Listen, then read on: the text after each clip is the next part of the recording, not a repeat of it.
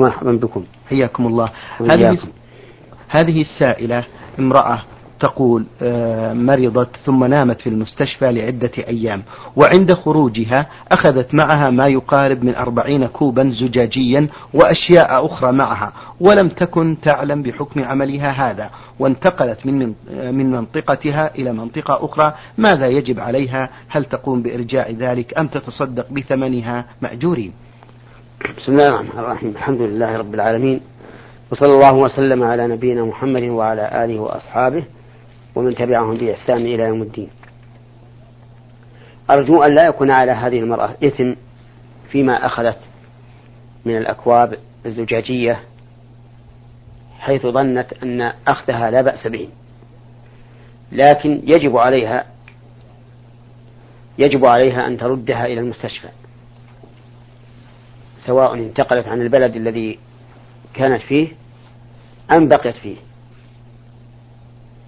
لأن هذا حق لآدمي وحق الآدمي لا بد من إيصاله إليه أو استحلاله منه.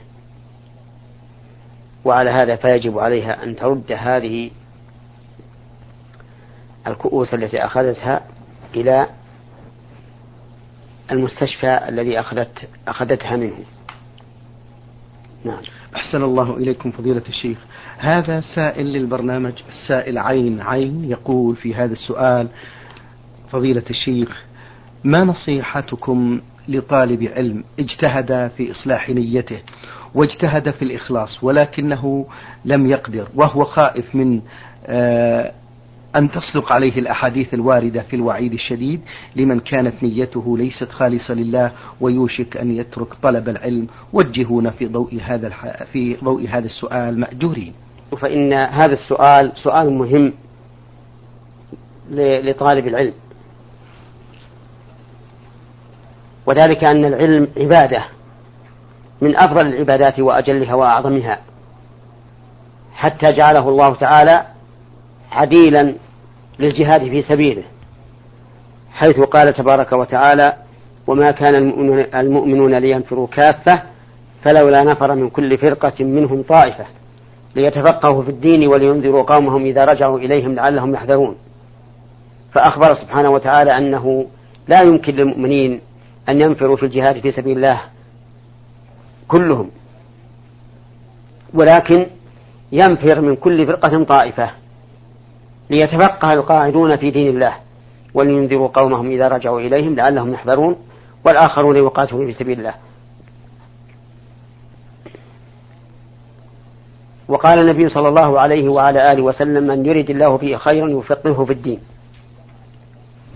فإذا رأى الإنسان أن الله تعالى قد فقهه في دينه فليبشر أن الله تعالى أراد به خيرا. ويجب إخلاص النية لله. في طلب العلم بأن ينوي الإنسان في طلبه العلم أولا امتثال أمر الله تبارك وتعالى. لأن الله تعالى قال فاعلم أنه لا إله إلا الله. قال البخاري رحمه الله فبدأ بالعلم قبل القول والعمل. ثانيا أن ينوي بتعلمه حفظ شريعة الله. فإن الشريعة تحفظ في الصدور وتحفظ في الكتاب المسطور. ثالثا أن ينوي بتعلمه حماية شريعة الله عن أعدائها لأن أعداءها مسلطون عليها منذ بعث الرسول عليه الصلاة والسلام إلى قيام الساعة. فلينوي بطلب العلم حماية هذه الشريعة العظيمة. رابعا أن ينوي بذلك المدافعة عن الشريعة إذا هاجمها أحد. وحينئذ يجب أن يتعلم من العلم السلاح الذي يدافع الذي يدافع به. بل ينبغي أن نقول الذي يهاجم به أعداء الله ويعامل كل أحد بالسلاح الذي يناسب حاله. والناس يختلفون في هذا الشيء. فمن الناس من يحاج في العقيدة فيحتاج الإنسان إلى تعلم العقيدة التي العقيدة التي يدافع بها. العقائد الفاسدة. ومن الناس من يهاجم الإسلام بالأخلاق السافلة فيجب على الإنسان أن يتعلم الأخلاق الفاضلة وأن يتعلم مساوئ الأخلاق السافلة وآثارها السيئة. وهلم جرا كذلك أيضا آه، ينوي طالب العلم بطلبه العلم أن يقيم عبادة الله على ما ما يرضي الله عز وجل. لأن الإنسان بدون التعلم لا يمكن أن يعرف كيف يعبد الله. لا في وضوئه ولا صلاته ولا صدقته ولا صيامه ولا حجه وأيضا يدعو إلى الله سبحانه وتعالى بعلمه. فيبين الشريعة للناس ويدعوهم إلى التمسك بها. فالعلم في الحقيقة من أفضل العبادات وأجلها وأعظمها نفعا. ولهذا تجد الشيطان حريصا على أن يصد الإنسان عن هذا عن العلم. فيأتيه مرة بأنه إذا طلب العلم يكون مرائيا لأجل أن يراه الناس ويقول إنه عالم. فيستحسر ويقول مالي وللرياء. أو يقول له إنوي بطلبك العلم الشرعي شيئا من الدنيا حتى يحق عليك الوعيد. من طلب علما مما يبتغى به وجه الله لا يريد إلا, إلا أن ينال عرضا من الدنيا لم يرح رائحة الجنة. ويأتيه بالأشياء الكثيرة التي تصده عن العلم. ولكن على المرء أن يستعيذ بالله من الشيطان الرجيم وأن يمضي لسبيله ولا يهتم بهذه الوساوس التي تعتري قلبه. وكلما أحس بما يثبطه عن العلم بأي وسيلة فليقل أعوذ بالله من الشيطان الرجيم. وليقل اللهم أعني وما أشبه ذلك. وأقول لهذا الطالب امضي لسبيلك اطلب العلم. لا يصدنك الشيطان عن ذكر الله ولا عن طلب العلم. واستمر وأنت سوف تلاقي صعوبة ومشقة في تصحيح النية ولكن تصحيح النية أمرها أمره سهل. فامضي أيها الشاب في سبيلك واستعن بالله عز وجل واستعذ بالله من الشيطان الرجيم. أحسن الله إليكم وبارك فيكم فضيلة الشيخ. يقول كيف يكون حال الإنسان عندما يريد أن يعمل شيء من الطاعات؟ هل يكون في قلبه أنه يريد رضا الله عز وجل؟ أم الفوز بالجنة والنجاة من النار؟ أم إبراء الذمة؟ وهل عليه أن يتذكر الإخلاص عندما يريد فعل أي شيء؟ أفتونا مأجورين. أما إرادة الإخلاص فلا, فلا بد منها. أن يريد بعبادته وجه الله لا سواه. وأما هل يريد براء الذمة أو النجاة من العذاب أو حصول الثواب أو رب العباد فإنه ينوي كل هذا. وهو إذا نوى هذه كلها فلا منافاة بينها. يمكن أن ينويها كلها فينوي رضا الله وينوي فضل الله وينوي النجاة من عقاب الله وينوي إبراء الذمة. ولقد قال الله تبارك وتعالى في وصف النبي صلى الله عليه وسلم وأصحابه قال تراهم ركعا سجدا يبتغون فضلا من الله ورضوانا. فجمعوا بين الأمرين. بين نية فضل الله تبارك وتعالى بثوابه والوصول إلى دار كرامته ونية الرضوان رضوان الله سبحانه وتعالى. نعم. في آخر أسئلة فضيلة الشيخ يقول ما أفضل وسيلة يرشد إليها فضيلتكم لتحصيل الإخلاص والبعد عن كل ما ينقص من ثواب الأعمال؟ وهل من وهل من توجيه فضيلة الشيخ؟ نعم. الوسيلة التي تنجي من هذا هو الاستعاذة بالله من الشيطان الرجيم والاستعانة بها على طاعته. وأن لا يلتفت الإنسان إلى هذه الوساوس التي يلقيها الشيطان في قلبه. فإن الشيطان يلقيها ليفسد عليه عبادته وإرادته. فلينبذها وراء ظهره.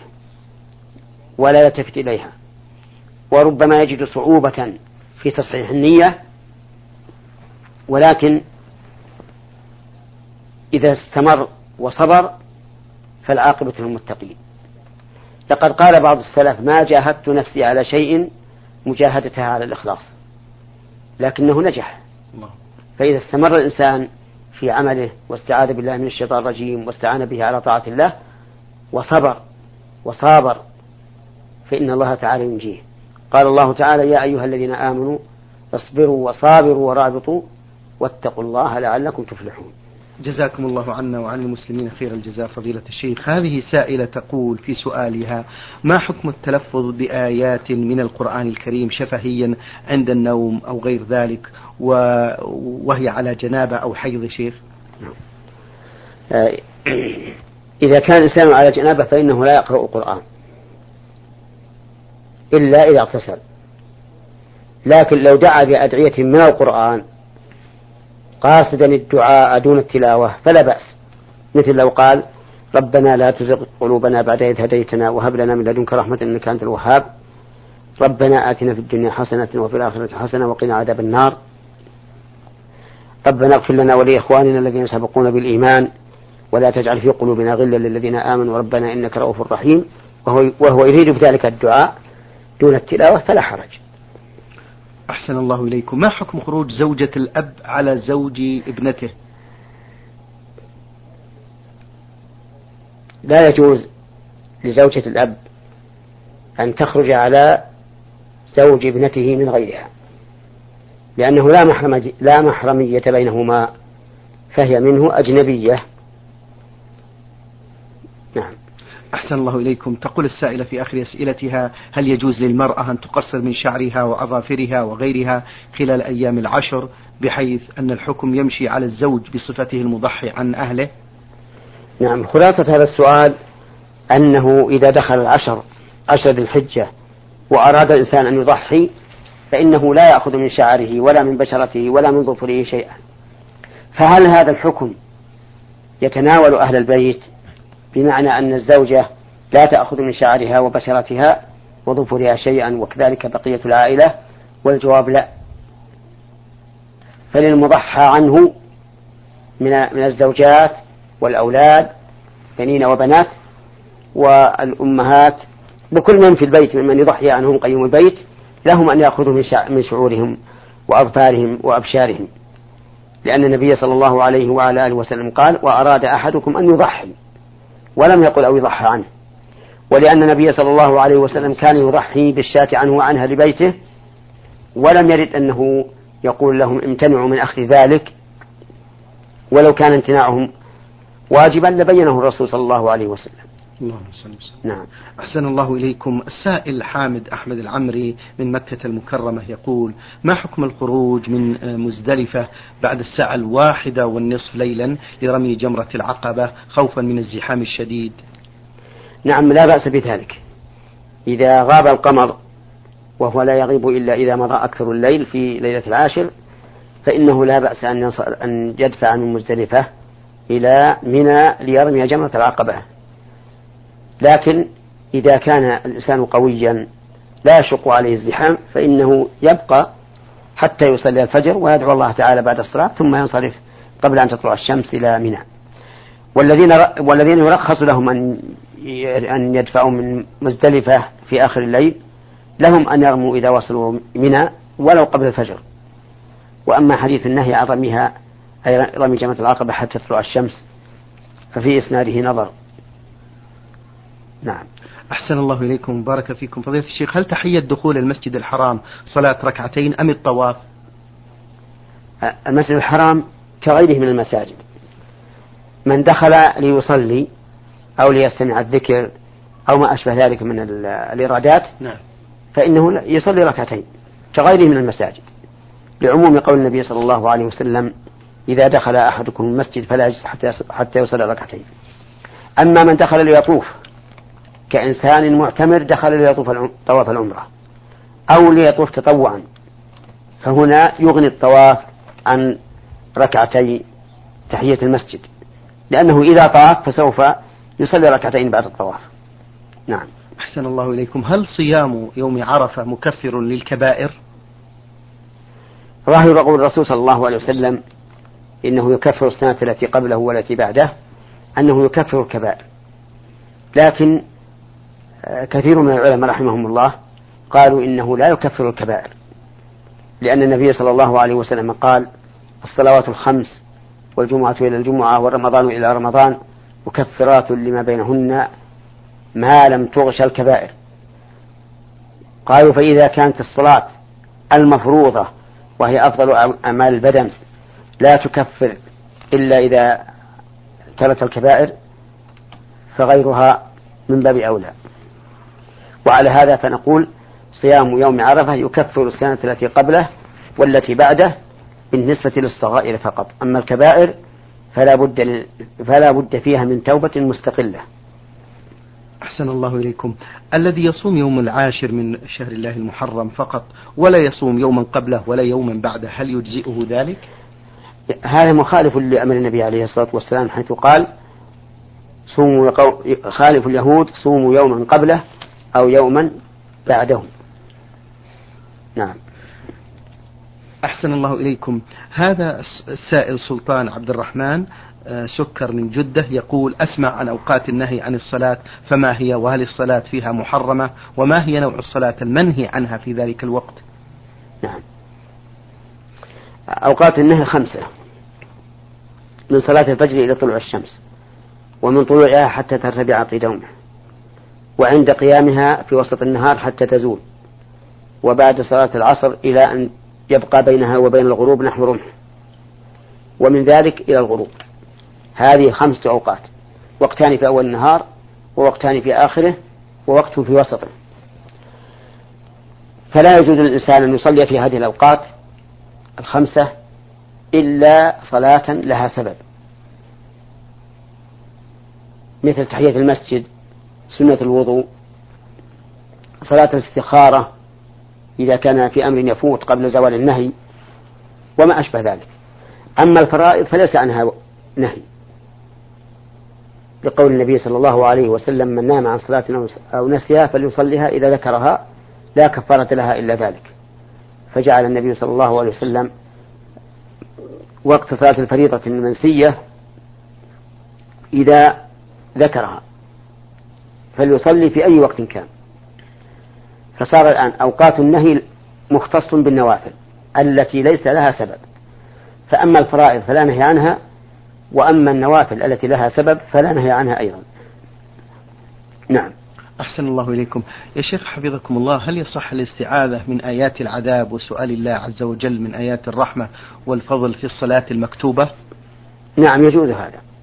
يجوز الإنسان إذا مر بآية رحمة أو آية وعيد أن يسأل عند آية الرحمة ويستعيذ عند آية الوعيد في الفريضة والنافلة لكنها في النافلة السنة لا سيما في صلاة الليل. لقول لقول حذيفة رضي الله عنه صليت مع النبي صلى الله عليه وسلم ذات ليلة فقرأ بالبقرة ثم بآل عمران ثم بالنساء ثم بآل عمران. لا يمر بآية رحمة إلا سأل ولا بآية, بآية عذاب إلا تعود ولا بآية تسبيح ولا بآية تسبيح إلا سبح. لكن هذا في صلاة الليل. ففي صلاة الليل بل في جميع النوافل يسن أن أن أن يسبح إذا مر بآية التسبيح ويسأل إذا مر بآية رحمة ويتعود إذا مر بآية وعيد أما في الفرائض فجائز لكن تركه أفضل لأن الواصفين لصلاة الرسول صلى الله عليه وعلى آله وسلم لم يكونوا يقولون إنه يسبح عند آية التسبيح ويتعود عند آية الوعيد ويسأل عند آية الرحمة بارك الله فيكم. هل حفظ القرآن الكريم واجب للإمام الراتب؟ وما حكم قراءته بالمصحف في الصلوات المكتوبة؟ آه، ليس بواجب على الإمام أن يحفظ القرآن. لكن حفظ القرآن فرض كفاية بإجماع المسلمين. يعني لابد أن يحفظ القرآن في الأمة الإسلامية. لكنه ليس واجبا على كل شخص بعينه. والإمام إذا كان لا, لا لم يحفظ القرآن فلا بأس أن يقرأ من المصحف لا في الفريضة ولا في النافلة. نعم. أحسن الله إليكم. هل يسن رفع اليدين بالتكبير عند القيام بعد التسليم عندما يكون على المصلي قضاء في الصلاة؟ كيف؟ يقول هل يسن رفع اليدين بالتكبير عند القيام بعد التسليم عندما يكون على المصلي قضاء في الصلاة؟ هذا سؤال لم أعرف وجهه لكن نجيبه بصفة عامة. نعم يا شيخ. يسن رفع اليدين عند تكبيرة الإحرام وعند الركوع وعند الرفع منه وعند القيام من التشهد الأول ولا يسن رفع اليدين في غير ذلك. نعم. هل تجمع صلاة الضحى مع قضاء صلاة الليل والوتر؟ وهل تكون جهرية أم سرية؟ هل هل هل تجمع صلاة الضحى مع قضاء صلاة الليل والوتر؟ وهل تكون جهرية أم سرية؟ نعم. أما صلاة الضحى فإنه فإنها تصلى في وقتها. لكن يقضي الوتر وصلاة الليل قبل ذلك. والوتر إذا قضاه في النهار فإنه لا يوتر ولكنه يأتي به شفعا. فإذا كان يوتر بثلاث صلى أربعا. وإذا كان يوتر بخمس صلى ستا. يسلم من كل ركعتين. نعم. أحسن الله إليكم. الشيخ حفظكم الله بالنسبة للاستعاذة والبسملة في آه، كل ركعة. أم في الركعة الأولى يكفي؟ هل تشرع الاستعاذة والبسملة في كل ركعة؟ أم في الركعة الأولى يكفي؟ آه، أما الاستعاذة فمن العلماء من قال إنها تسن في أول ركعة وفي وفي الركعات الباقية. وقال بعض العلماء إنها لا تسن إلا في أول ركعة. وأما البسملة فإنها تابعة للفاتحة فيبسمل في كل ركعة. إلا أن البسملة ليست من الفاتحة ولذلك إذا قرأ في صلاة جهر فإنه لا يجهر بالبسملة وإنما يقرأها سرا ثم يجهر من قوله الحمد لله رب العالمين. إلى آخره. أحسن الله إليكم. أخيرا يقول هل يشترط لسجود التلاوة وضوء أم هو كسجود الشكر؟ اختلف العلماء رحمهم الله هل تجب الطهارة لسجود التلاوة وسجود الشكر؟ على قولين فمنهم من قال إنه لا تشترط الطهارة لا لصلاة لا لسجود الشكر ولا لسجود التلاوة. ومنهم من قال إنها شرط. والذي يظهر لي أنها شرط في سجود التلاوة دون سجود الشكر وذلك لأن سجود الشكر قد, قد يأتي على غرة دون أن يسبق له آه، إنذار أو سبب معلوم بخلاف سجود التلاوة. فالذي يظهر لي أنه يجب أن تكون أن يكون سجود التلاوة عن طهارة وسجود الشكر لا يجب أن يكون عن طهارة. نعم. أحسن الله إليكم. من سوريا السائل دحام يقول في هذا السؤال بالنسبة للدعاء جماعة بعد الصلاة في الأيام العادية ما حكمه مأجورين؟ حكمه أنه بدعة ينهى عنه لأن النبي صلى الله عليه وسلم قال عليكم بسنتي وسنة الخلفاء الراشدين المهديين من بعدي. وإياكم ومحدثات الأمور فإن كل محدثة بدعة وكل بدعة ضلالة. فينهى عن ذلك. ويقال لهؤلاء إننا متبعون لا مبتدعون. فهل كان الرسول عليه الصلاة والسلام وأصحابه يفعلون ذلك؟ هل كان الخلفاء يفعلون ذلك؟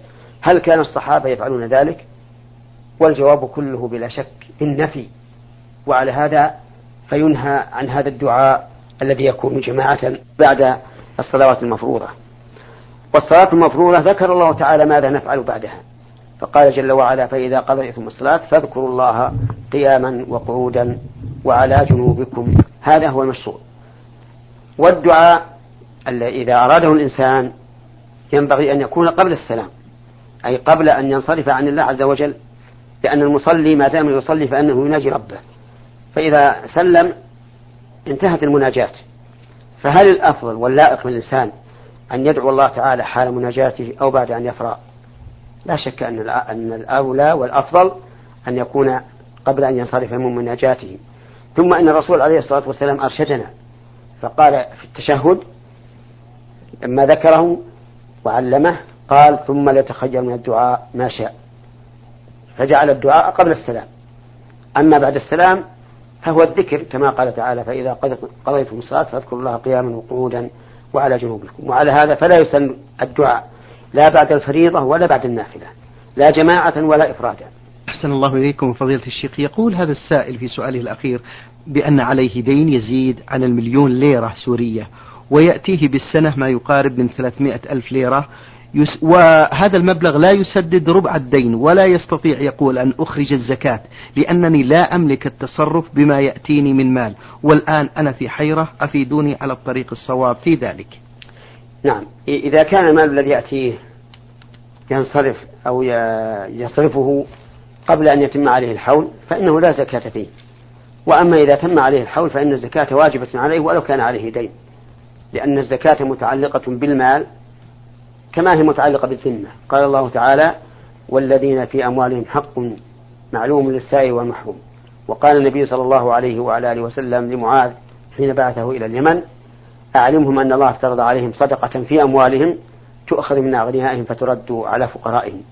وأما من قال من أهل العلم إنه إذا كان عليه دين فإن له أن يسقط ما يقابله فلا يزكي عنه مثل أن يكون عليه خمسة ألاف وعنده عشرة آلاف فيقول بعض العلماء إنه لا يزكي إلا خمسة آلاف فقط لأنها هي الفاضلة عن دينه.